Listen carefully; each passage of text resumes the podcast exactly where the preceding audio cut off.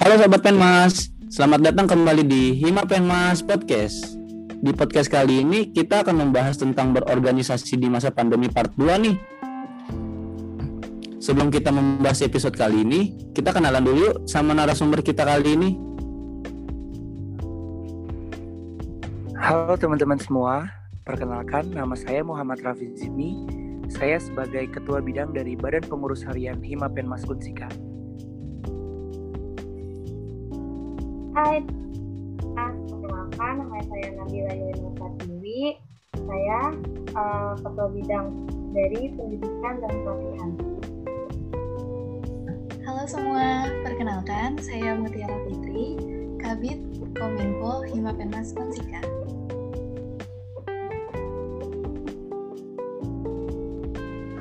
Halo semua, perkenalkan saya Muhammad Gies Rakin, perwakilan dari bidang minat dan bakat sebagai selaku ketua bidang. Halo semua, perkenalkan saya Zahra Safira Mahira. Di sini saya sebagai ketua bidang pengabdian pada masyarakat. Nah, kan semua udah udah kenalan nih. Ini untuk beberapa ketua bidang ada beberapa pertanyaan nih yang kita ajuin saya ingin bertanya kepada Bang Raffi selaku Ketua Bidang dari Badan Pengurus Harian Himapenmas Unsika. Bang, hal hal apa sih yang didapat dan dipetik dari pengalaman berorganisasi di masa pandemi? Oke, uh, jadi kalau menurut saya pribadi ya, ada beberapa hal-hal pesan yang dapat kita petik ketika kita berorganisasi di di masa pandemi ini. Yang pertama uh, kita ambil simpelnya, ketika kita belum ada di masa pandemi itu, berorganisasi itu lebih terbilang mudah untuk bertatap muka, untuk mendapatkan segala jenis perizinan dan yang lain-lainnya dari pihak kampus. Tapi ada hal yang menarik ketika dipertemukan dengan pandemi ini. Segala jenis sesuatu perizinan ataupun yang lainnya itu terasa sangat sulit nih yang kita rasain sekarang. Contohnya ketika program kerja yang biasa kita yang sudah kita tetapkan di rapat kerja pertama itu banyak yang mengalami kesulitan dan memang kesulitan itu masih bisa kita jalani dan alhamdulillah acara masih bisa terselesaikan gitu dan tapi ada juga beberapa program kerja yang memang gara-gara pandemi ini benar-benar tidak bisa dilaksanakan gitu. Jadi untuk dipaksakan pun tidak tidak bisa tidak memungkinkan karena pandemi ini. Dan itu uh, menurut saya pribadi sebagai suatu uh, acuan atau suatu permasalahan yang emang harus kita temukan jawabannya bersama-sama. Karena balik lagi ke uh, sifat dasar dari organisasi itu sendiri. Karena uh, organisasi itu akan terasa lebih menggiurkan apabila di dalamnya banyak dinamika-dinamika kelompok yang terjadi gitu. Seperti yang tadi udah dijelaskan bahwasannya banyak-banyak kendala yang kita nggak mempersiapkan dari awal ternyata kendala ini terjadi gitu. Seperti pandemi ini kan kita semua nggak ada yang tahu gitu pandemi ini bakalan terjadi dan tiba-tiba pandemi terjadi yang merubah segala sesuatu apa pun yang udah kita konsepkan dari awal yang membuat sebenarnya organisasi ini jadi jadi lebih mengasihkan sih menurut saya dan yang kedua ada hal penting yang bisa diambil itu kita bisa ngelihat nih uh, seberapa besar uh, loyalitas dari teman-teman pengurus terhadap organisasinya tersebut gitu. Karena kan yang kita tahu di saat pandemi ini pastilah kita di rumah kerjaan di rumah males-malesan nonton TV, nonton YouTube atau dan yang lain-lain gitu. Tapi dengan adanya tuntutan organisasi ini apakah teman-teman masih bisa melawan malasnya di rumah untuk datang ke Karawang untuk rapat secara tatap muka langsung? Atau enggak? Jadi loyalitas ketika teman-teman berorganisasi itu sangat-sangat terlihat sih menurut saya. Jadi itu sebuah hal penting juga gitu. Karena di balik organisasi itu selalu ada loyalitas yang tinggi untuk memajukan sebuah organisasi. Paling itu sih uh, Rafli dari saya uh, untuk kesan dan pesan terhadap uh, organisasi selama pandemi ini. contoh dari bidang BPH itu apa ya bang prokernya yang udah kita rencanakan tadinya kegiatannya offline secara langsung tiba-tiba dipindahin ke online contohnya proker apa aja sih bang? Nah, ah, jadi di dalam Badan Pengurus Harian ini dalam rapat kerja kepengurusan periode pertama itu kita ah, menyusun konsep proker itu yang pertama ada Imadiklus Training 1 lalu ada rapat kerja nasional dan yang ketiga itu ada kunjungan universitas lain. Nah, mungkin sedikit banyaknya yang paling terganggu terhadap pandemi ini ya Imadiklus Training 1 sama rapat kerja nasional. Dan yang pertama itu Imadiklus Training 1 itu kita mengacu ke organisasi yang sebelumnya ya. Yang sebelumnya itu kan kalau kita lihat IT 1 itu atau Imadiklus Training 1 itu kan diadakannya offline secara tatap muka di dalam suatu forum yang teman-teman semua itu bisa merasakan bagaimana euforianya Imadiklus Training 1. Dengan adanya pandemi ini, kita semua hampir kebingungan gimana caranya agar tetap pro program kerja ini terlaksana, tapi dalam uh, masa pandemi seperti ini. Jadi di saat itu kita melakukan rapat bersama teman-teman yang lain dan alhamdulillahnya kita mengambil keputusan Imadiklus Training 1 ini akan tetap berjalan karena sebagai kaderisasi untuk Imadiklus di Indonesia dari teman-teman Unsika dan kita mengambil konsep itu dengan uh, semacam webinar. Jadi uh, seminar Imadiklus Training 1 yang dikonsepkan secara daring yang dilakukan secara virtual di aplikasi Zoom. Dan pematerinya pun tetap sama, hanya saja yang membedakan teman-teman tidak bisa langsung bertatap muka dan tidak men langsung mendapatkan euforia bagaimana teman-teman ini bisa bercanda bersama bersama teman-teman yang lain di dalam forum Imani Plus Training satu ini. Lalu yang kedua itu ada Rakernas, Rapat Kerja Nasional. Rapat Kerja Nasional ini harusnya kita laksanakan di Unsika karena Unsika diberikan mandat sebagai ketua pelaksana ataupun sebagai tuan rumah dari Imadiklus Pusat.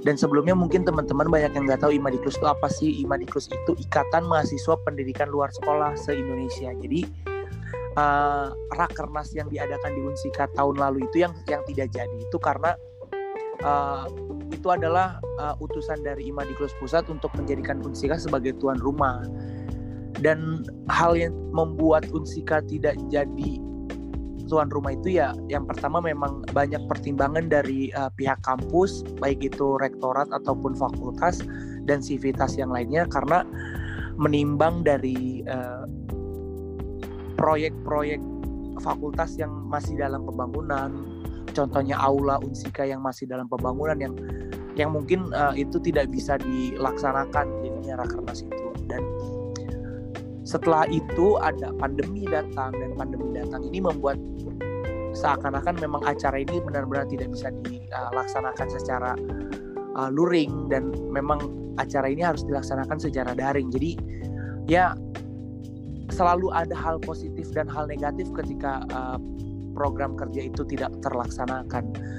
Di satu sisi hal positifnya itu selalu kita punya pembelajaran gitu. Uh, kenapa hal-hal seperti ini bisa tidak terjadi dan ini bisa menjadi evaluasi untuk ke depannya dan hal negatifnya ya mungkin kita tidak bisa merasakan euforia dari teman-teman semua gitu untuk melaksanakan uh, sebuah acara secara tatap muka seperti uh, sebelumnya sebelum ada pandemi.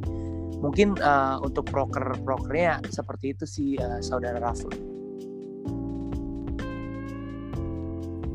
Nah, untuk kegiatan tadi Imadiklus Training satu itu kan diadakannya jadinya daring ya bang. Nah respon para pesertanya itu gimana? Masih tetap semangat atau kayak iya malah online ya jadi malas-malasan gitu bang? Uh, Alhamdulillah sih uh, sejauh kemarin saya mengevaluasi acara IT 1 responden dari teman-teman PLS Unsika terhadap Imadiklus Training 1 tetap tetap baik, tetap tidak ada penurunan dan tidak ada peningkatan yang jelas. Karena kalau kita ngelihat dari uh, Imadiklus Training 1 yang tahun lalu telah dilaksanakan itu kita menimbang dari banyaknya jumlah peserta itu tidak hampir ah, hampir sama tidak tidak jauh berbeda gitu. Karena yang kita lihat kemarin dari data yang sudah terkumpul teman-teman yang mengikuti Imadiklus Training satu ini cukup banyak gitu. Dan alhamdulillah ketika kita melaksanakan Imadiklus Training satu secara daring. Teman-teman mahasiswa PLS ini uh, memiliki euforia dan semangat yang hampir sama ketika uh, bertatap muka langsung. Dalam artian teman-teman di PLS Unsika ini terlihat aktif dan ingin mau bertanya gitu terhadap pemateri apa sih sebenarnya Imadikus Training satu ini? Apa sih gunanya Imadikus lalu output yang kita dapatkan ketika kita memasuki Imadikus itu apa dan itu saya yang saya lihat ketika saya kemarin uh, sedang berjalannya acara ya teman-teman dari PLS Unsika terutama mahasiswa barunya ya memiliki tingkat pengetahuan yang sangat tinggi untuk bertanya gitu. Jadi uh, saya rasa hanya tidak ada perbedaan ketika daring dan luring, tapi yang hanya membedakan ya kita tidak bisa langsung ngobrol bersama secara tatap muka, hanya hanya virtual yang bisa memisahkan kita. Gitu. Jadi yang kurang serunya ya mungkin silaturahminya kurang terjaga, tetapi apa yang kita maksud dari Imadi Close Trading ini tetap tersampaikan. Mungkin itu sih uh, penjelasan sedikitnya Rafli. Oke, makasih Bang atas penjelasannya. Kita lanjut yuk ke bidang kedua dari bidang diklat pendidikan dan latihan yaitu Teh Ila. Iya. Untuk Teh Ila, Apakah program kerja dalam situasi pandemi dapat terlaksanakan semua? Uh, Alhamdulillah dari semua program kerja yang diadakan oleh bidang pendidikan dan pelatihan itu dapat terlaksana semua dengan baik dan lancar. Ya meskipun menurut kami kurang maksimal ya karena tidak seperti yang kami ekspektasikan sebelumnya yang ekspektasi acara dilaksanakan secara offline, tapi dengan adanya pandemi ini uh, acara dilaksanakan online. Dilaksanakan secara online itu juga terdapat banyak banget kendala untuk melancarkan persiapan dari program kerja ini.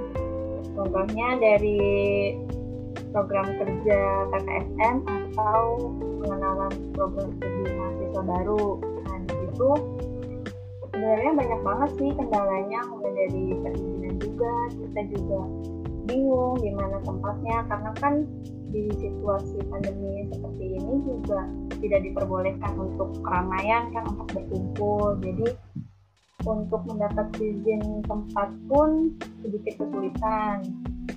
Tapi alhamdulillahnya di dalam kesulitan itu pasti ada kemudahan. Bisa dapat tempat uh, kemudian alhamdulillah segala macam persiapan baik-baik saja sih. Seperti itu.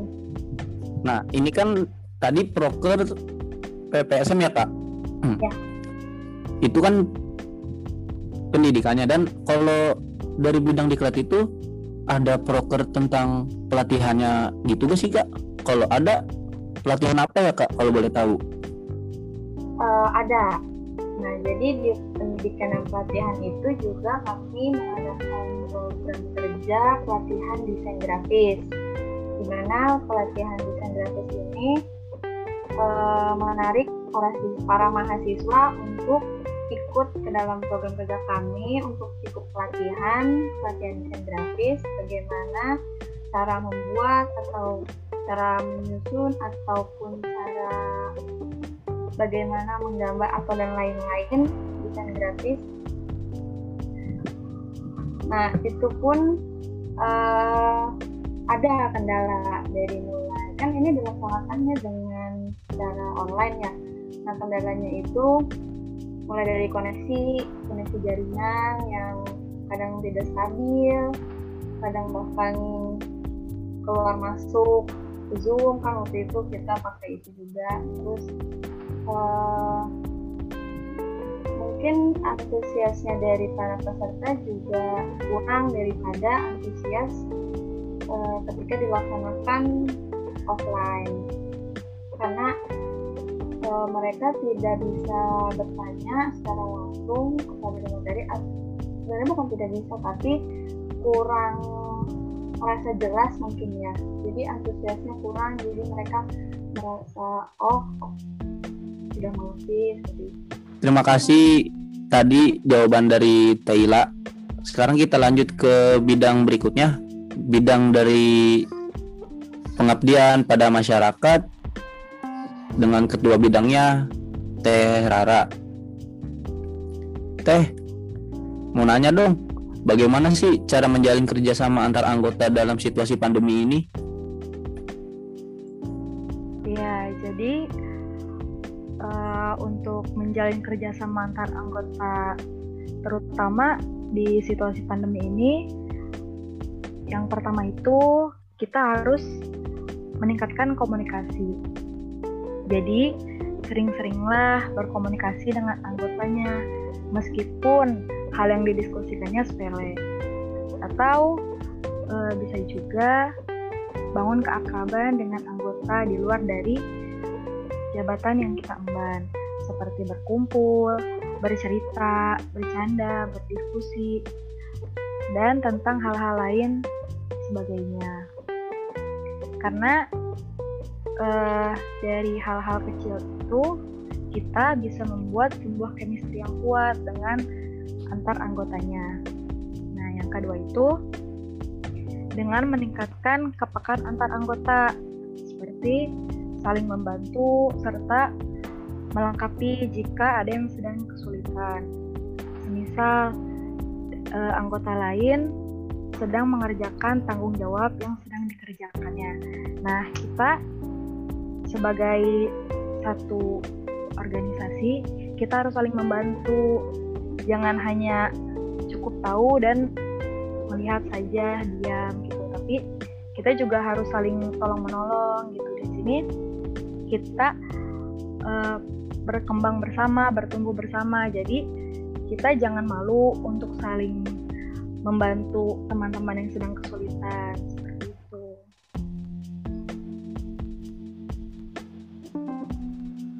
Nah, kan kalau itu menjalin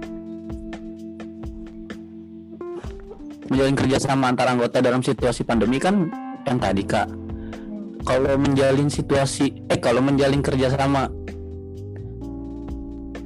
kerjasama organisasi luar di luar kampus itu dalam situasi pandemi ini gimana ya kak?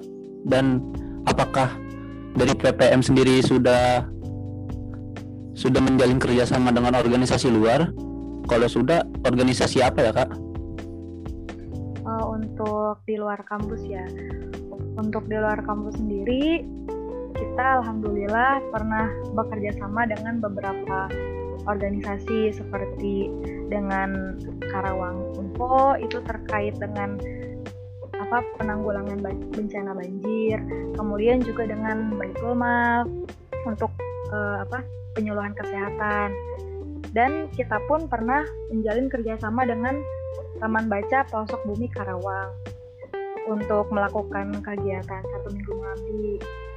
Nah, untuk menjalin kerjasamanya itu pertama ya kita hmm, ini kita tanyakan siapa foundernya, siapa ketuanya gitu.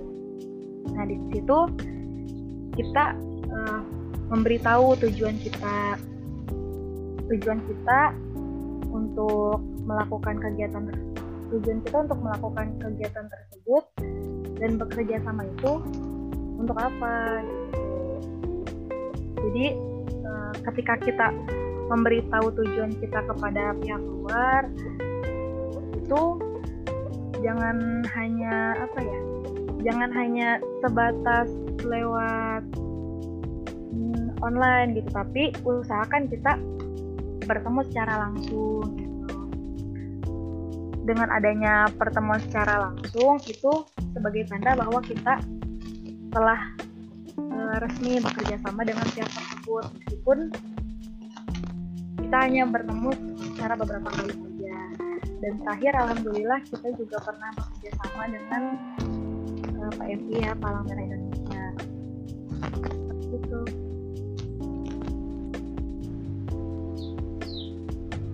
Terima kasih Terara atas jawabannya.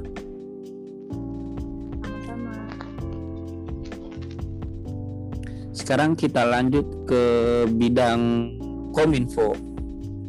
Dari ketua bidang Kabit sendiri Teh Muti.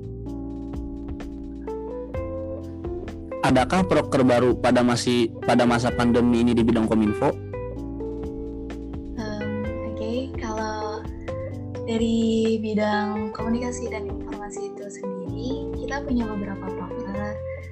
Eh, yang terbaru itu di bidang kami adalah mading online. Mading online ini hadir dikarenakan eh, situasi dan pandem, situasi dan kondisi pandemi sekarang yang tidak memungkinkan kami untuk membuat mading majalah atau majalah dinding secara konvensional.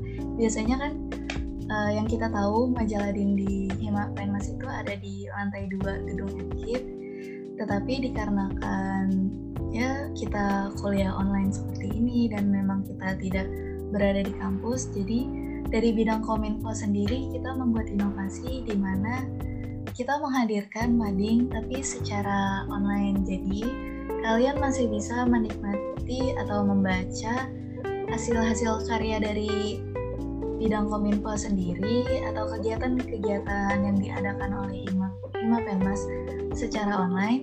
Dan kalian bisa membaca atau mendapatkan informasi itu lewat mading ini yang kita post atau kita publish di blog Hima.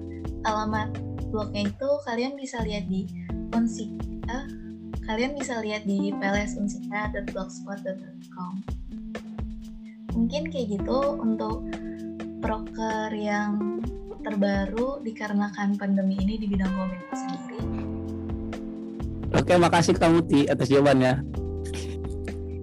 Ya, untuk pertanyaan selanjutnya kita berikan ke Saudara Gias dari bidang minat dan bakat. Apa kelebihan berorganisasi di, di situasi pandemi seperti ini, Bang? Gimana tanggapannya? Baik. Sebelumnya, Assalamualaikum warahmatullahi wabarakatuh. Waalaikumsalam Salam warahmatullahi wabarakatuh. Makasih. Doa pembuka sebelum masuk ke dalam pembicaraan. Apakah di, diizinkan? Anda atuh akan Bismillahirrahmanirrahim. Innalhamdalillah namaduhu wa nasta'inuhu wa nastaghfiruhu wa na'udzubillahi min syururi anfusina wa min sayyiati a'malina may yahdihillahu fala mudilla lahu wa may yudlil fala hadiya lahu asyhadu an la ilaha illallah wa asyhadu anna muhammadan abduhu wa rasulullah nabiyya ba'da amma ba'd. Bisa diulang? Bisa diulang pertanyaan? siap. Doanya saking khususnya sampai lupa ya. Itu dia. Bikin kadang-kadang doa. Eh, Allah. Untuk pertanyaannya, apa kelebihan berorganisasi di situasi pandemi seperti ini, Akang? Bisa ditanggapi? Oh, kelebihan berorganisasi berorgin orga organ tubuh eh organ tubuh kelebihan berorganisasi pada saat pandemi ya tentunya dibalik kekurangan pasti ada kelebihan betul saudara Rafli Betul itu Akang, Gias. jadi tanggapan melihat dari kelebihan justru dibalik kekurangan yang contohnya tadi semua bidang ketua bidang bilang pasti ada tapi kelebihannya malah justru kita sedikit dipermudah contohnya yang sudah kita ambil pada saat itu kita pernah kunjungan kepada organis organisasi Mapenmas Unsil. Jadi kayak kita nggak harus ribet-ribet ke sana gitu, mengeluarkan yang tentunya banyak biaya dari segi transportasi atau konsumsi. Hanya berbasis online atau daring kita sudah bisa bersilaturahmi kepada pihak Himapenmas Unsil. Di situ kita jadi dapat ilmu baru dan dan otomatis mendapatkan relasi yang baru hanya dengan berbasis online. Terus kelebihan yang lainnya ya sama mungkin dengan apa yang ketua bidang ngomong lainnya kita jadi lebih sedikit open minded lah. Jadi pikiran kita nggak ngestak di satu situ aja. Kita harus berpikir gimana caranya program kerja yang telah kita buat pada saat rapat kerja pada saat itu bisa terrealisasikan. Itu tadi membuka inovasi baru yang mungkin sebelumnya tidak terpikirkan oleh kita semua gitu itu saja sih Oke, saudara Gias, terima kasih atas jawaban yang cukup yang Iya, cukup gila pikiran kita semua ya. oke Terima kasih saudara Gias.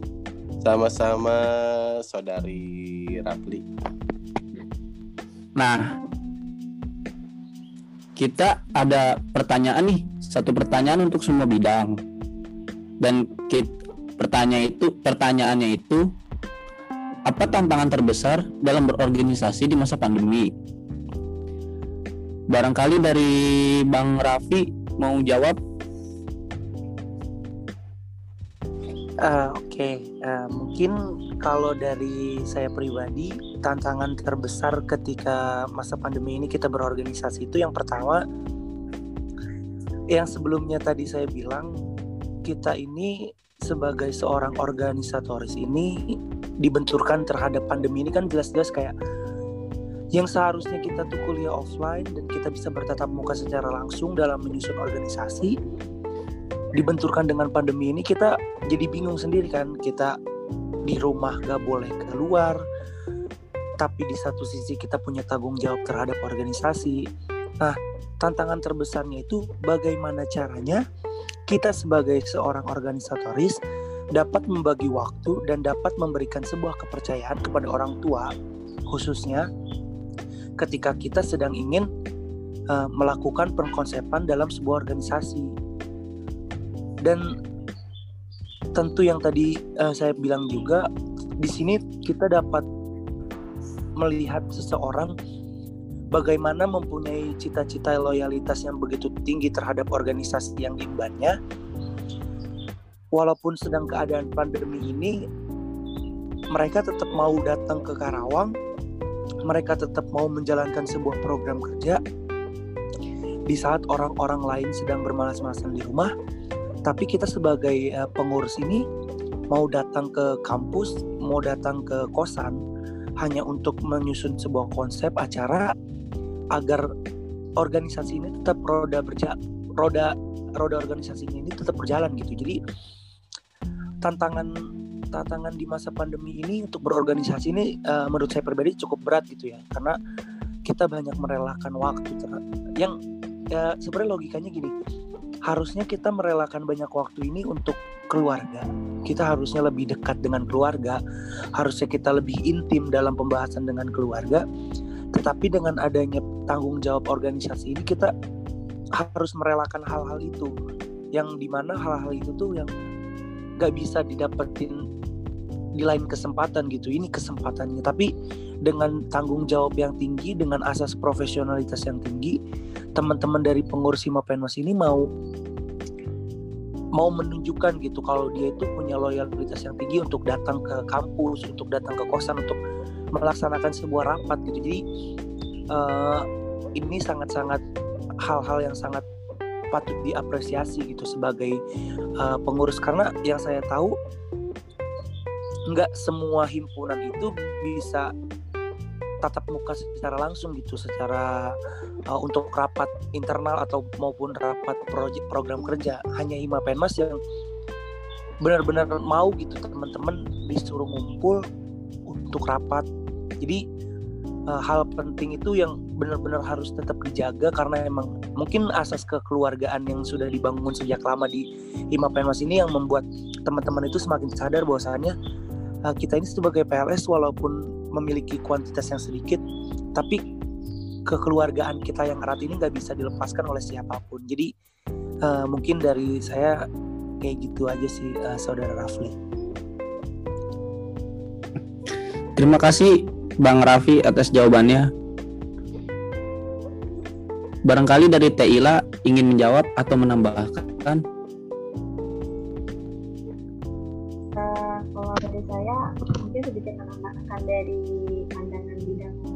Pendidikan dan pelatihan sendiri ya. Jadi di dalam pandangan kita itu tantangan terbesar dalam berorganisasi saat pandemi itu yang lebih terasa dalam melakukan komunikasi dan koordinasi antar anggota kita. Karena biasanya kan kalau melakukan kegiatan offline itu kita masih bisa menyempatkan untuk bertemu dan menyelesaikan suatu pembahasan atau permasalahan yang ada. Nah, tapi dengan kegiatan yang sekarang serba online, komunikasi hanya bisa dilakukan dengan via telepon atau via grup di WhatsApp yang justru itu dengan lebih sering terjadinya kesalahpahaman atau miskomunikasi antar anggota terus e, lebih memakan waktu juga untuk membahas suatu pembahasan atau permasalahan dari permasalahan di bidang sendiri. Terima kasih Taila.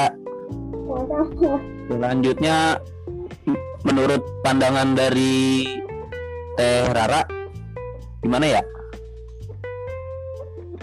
Uh, mungkin kalau dari saya sendiri sebagai salah satu ketua bidang PPM di sini tantangan terbesarnya itu mungkin pada lebih kepada perizinan perizinan kampus serta kegiatan-kegiatan yang dilaksanakan secara offline. Karena bidang pengabdian pada masyarakat itu kan identik dengan uh, satu minggu mengabdi, kemudian taman baca masyarakat, sebar nasi bungkus, tanggap bencana itu kan kegiatan yang seharusnya dilaksanakan secara offline.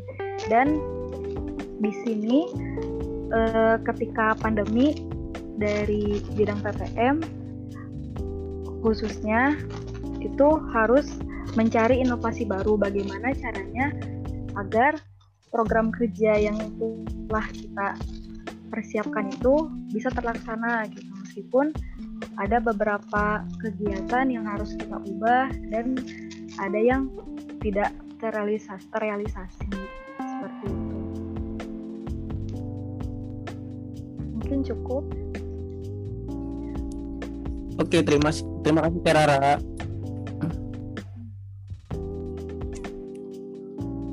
Untuk dari bidang Minda gimana sih pandangannya apa tantangan terbesar dalam berorganisasi di masa pandemi ini untuk saudara Rapli bisa diulang pertanyaannya oh oke okay. saudara Gias pertanya pertanyaannya itu apa tantangan terbesar dalam berorganisasi di masa pandemi ini Baik. Kalau perihal tantangan pasti ada ya. Mungkin dari semua aspek yang ada di hidup ini pasti terkena dampak dari pandemi ini. Tapi yang dimaksud oleh saudara Rapli tentang organisasinya. Kalau saya pak simpel aja. Uh, sebenarnya sulit sih bukan simpel banget.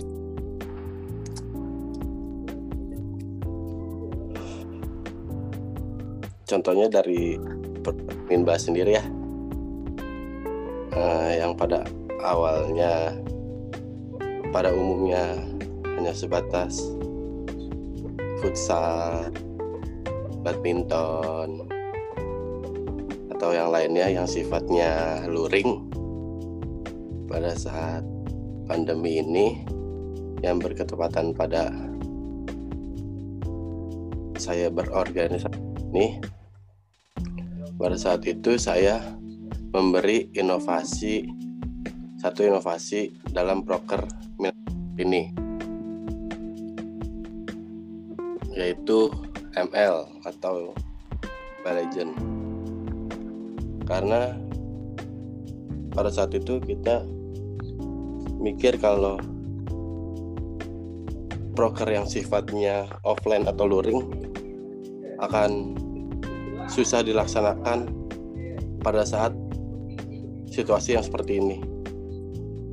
Maka dari itu daripada dari broker Minba tidak ada yang terrealisasikan jadinya kita milih inovasi baru yaitu minat dan bakat yang sifatnya daring atau online. Yaitu Mobile Legends itu sendiri. Dan terbukti nyatanya uh, broker kita Mobile Legends ini sudah sangat terrealisasikan. Di antaranya kita telah mengikuti berbagai jenis perlombaan atau turnamen yang sifatnya online. Mobile Legend Penma sendiri telah mengikuti kurang lebih tiga turnamen yang saya ketahui. Di antaranya ada Asid Cup pada saat itu Asid atau Himpunan Pendidikan Bahasa Inggris menyelenggarakan hari jadinya. Yang kedua kita mengikuti turnamen atau perlombaan dari sebuah lembaga yang sangat mendukung minat dan bakat mahasiswa Indonesia yaitu lima atau Liga Mahasiswa. Pada saat itu Liga Mahasiswa membuka turnamen secara nasional pada permainan Mobile Legends dan alhamdulillah pada saat itu kita mengikuti sebagai perwakilan dari Unsika. Salah satu perwakilan dari Unsika. Yang lainnya ada di uh, jurusan uh, atau fakultas FEB tapi dalam turnamen menang kalah adalah hal lumrah dan mungkin pada saat itu kita kurang kurang prepare jadinya loss. Loss dal. Loss dal. Atau kalah. Tapi cukup bangga karena tim kita merupakan salah satu perwakilan dari alma mater Sika. Yang ketiga kita mengikuti turnamen yang diselenggarakan oleh mahasiswa UIN Sunan Kalijaga Yogyakarta. Dan pada saat itu mungkin alasannya sama kurang prepare. Jadi lost doll atau kalah. Nah alhamdulillahnya kita nggak kalah mulu nih. Menang satu. Kita dapat juara tiga di kom fakultas keguruan dan ilmu pendidikan Unsika yang berperan pada saat itu acara POM FKIP 2020 uh, di di balik itu semua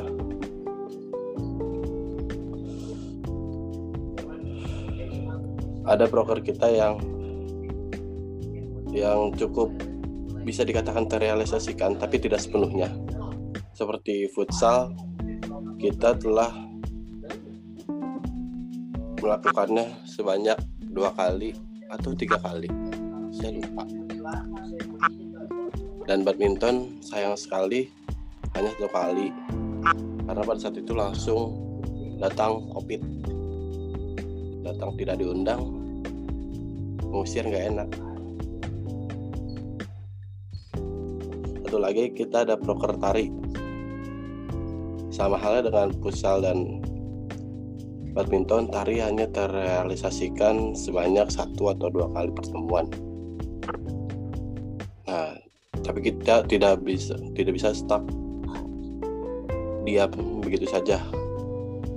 Kita uh, memberi inovasi kepada anak tari, khususnya ketua tari, untuk memberikan video bentuk video tutorial tari dan di share di grup tari. Jadi setidaknya tari nggak kosong-kosong amat masih bisa ada yang dipelajari. Begitu. Intinya ya dari pandemi ini tantangannya ya jadi kita semakin berpikir luas aja sih. Jadi nyari inovasi yang lain dan pemikiran yang lain itu sih dari saya Muhammad Gias Nur Cahyo atau Nur Hakim begitu saudara Rafli Oke, terima kasih saudara Gias. sama-sama Prodi Jawabannya cukup memuaskan ya. Dan kita lanjut. Gimana sih pandangan dari bidang Kominfo tentang tantangan terbesar dalam berorganisasi berorganisasi di masa pandemi ini? Kita persilakan Teh Muti.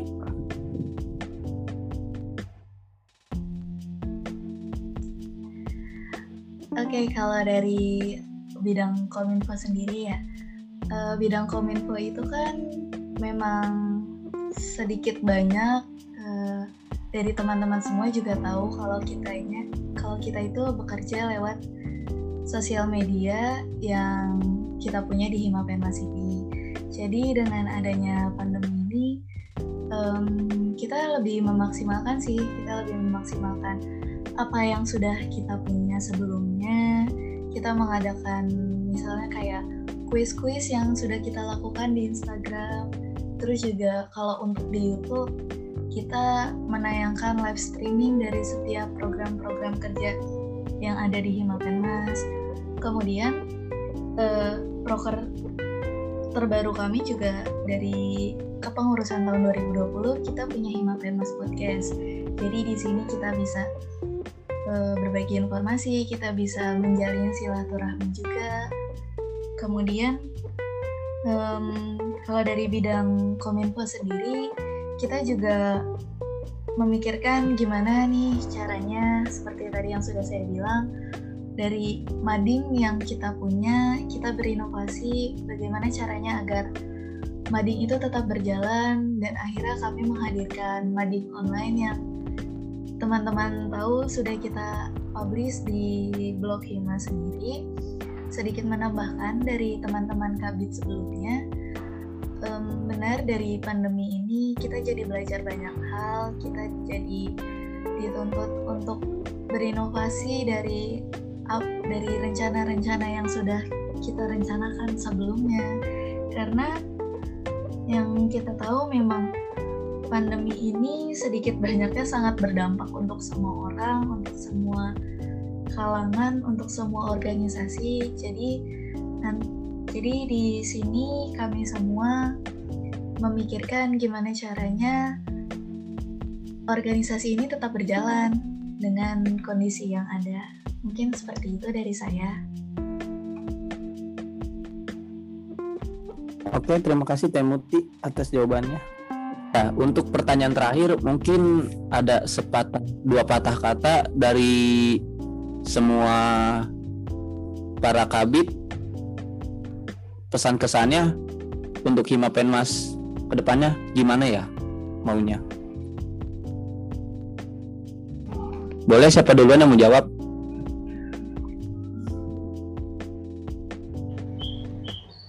Iya, eh, mungkin gue ingin saya ingin memberikan sedikit kesan pesan terhadap Bima Penmas untuk depannya ya. Eh, kita semua gak ada yang tahu untuk ke depannya pandemi ini akan berakhir atau tidak. Tetapi yang satu, tetapi satu yang jelas untuk teman-teman pengurus nanti yang akan berorganisasi ke depannya, jangan pernah melihat apa yang akan terjadi, tapi lihatlah apa yang telah terjadi dan berikanlah sebuah evaluasi untuk kepengurusan nanti kalian itu agar beberapa hal-hal yang tidak seharusnya terjadi di masa pandemi ini tidak kalian ulangi di masa yang akan datang. Dan tetaplah berproses dan tetaplah memberikan loyalitas yang tinggi terhadap organisasi. Walaupun teman-teman tidak mendapatkan profit sebuah materi atau uang tetapi teman-teman sudah bisa mendapatkan uh, profit dari sebuah wawasan atau berpikir secara kritis di dalam organisasi tersebut. Mungkin uh, itu kesan-pesan dari saya untuk ke depannya. Kurang lebihnya mohon maaf. Saya pamit dari Himapen Mas terima kasih. Terima kasih Bang Raffi.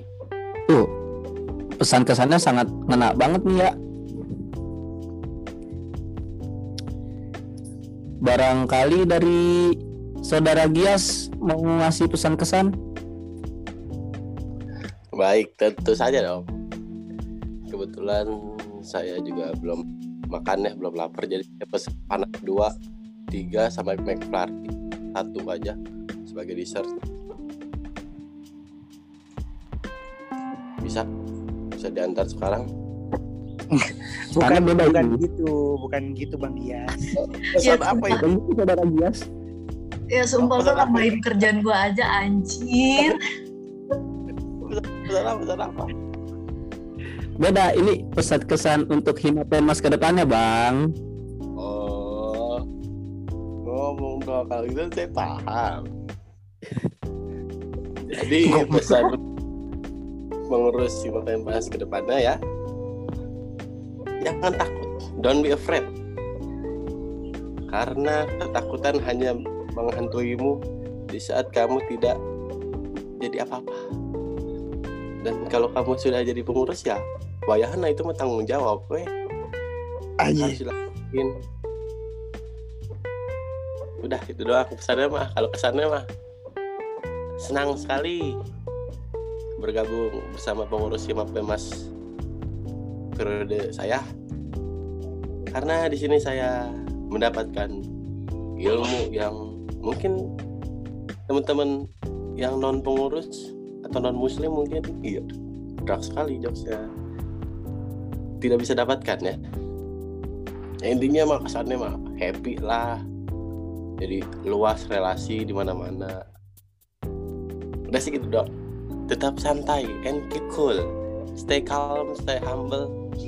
Gias peace out. Dari Himaben Mas terima kasih Terima kasih Bang Gias. Pesan kesan yang cukup nyeleneh ya yang kita dengar. Barangkali dari Teh Muti, Teh Illa dan Teh Rara mau ngasih pesan kesannya untuk Himapen Mas ke depannya.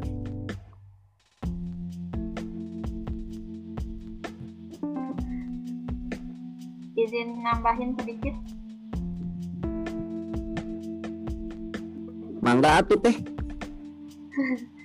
Jadi kalau dari saya buat teman-teman yang nanti ke depannya jadi pengurus mau Penmas em, ini berkaca dari diri saya sendiri jadikan eh, kan pengalaman ini kalian enjoy jangan dijadikan beban.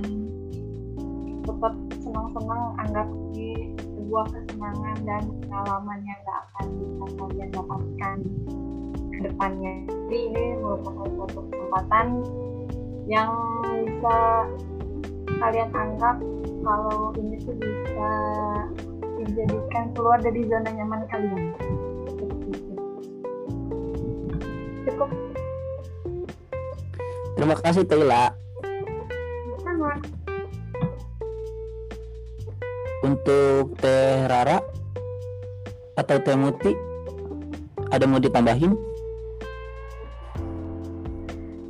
Iya, kalau dari saya pribadi mungkin untuk pengurus ke depannya karena benar yang dikatakan Bang Raffi tadi, kan kita tidak pernah tahu ya apa yang akan terjadi ke depannya. Jadi untuk pengurus selanjutnya harus lebih banyak berinovasi pastinya dan harus bisa menginspirasi banyak orang gitu agar orang-orang bisa lebih tertarik untuk mengikuti organisasi Himapenmas seperti itu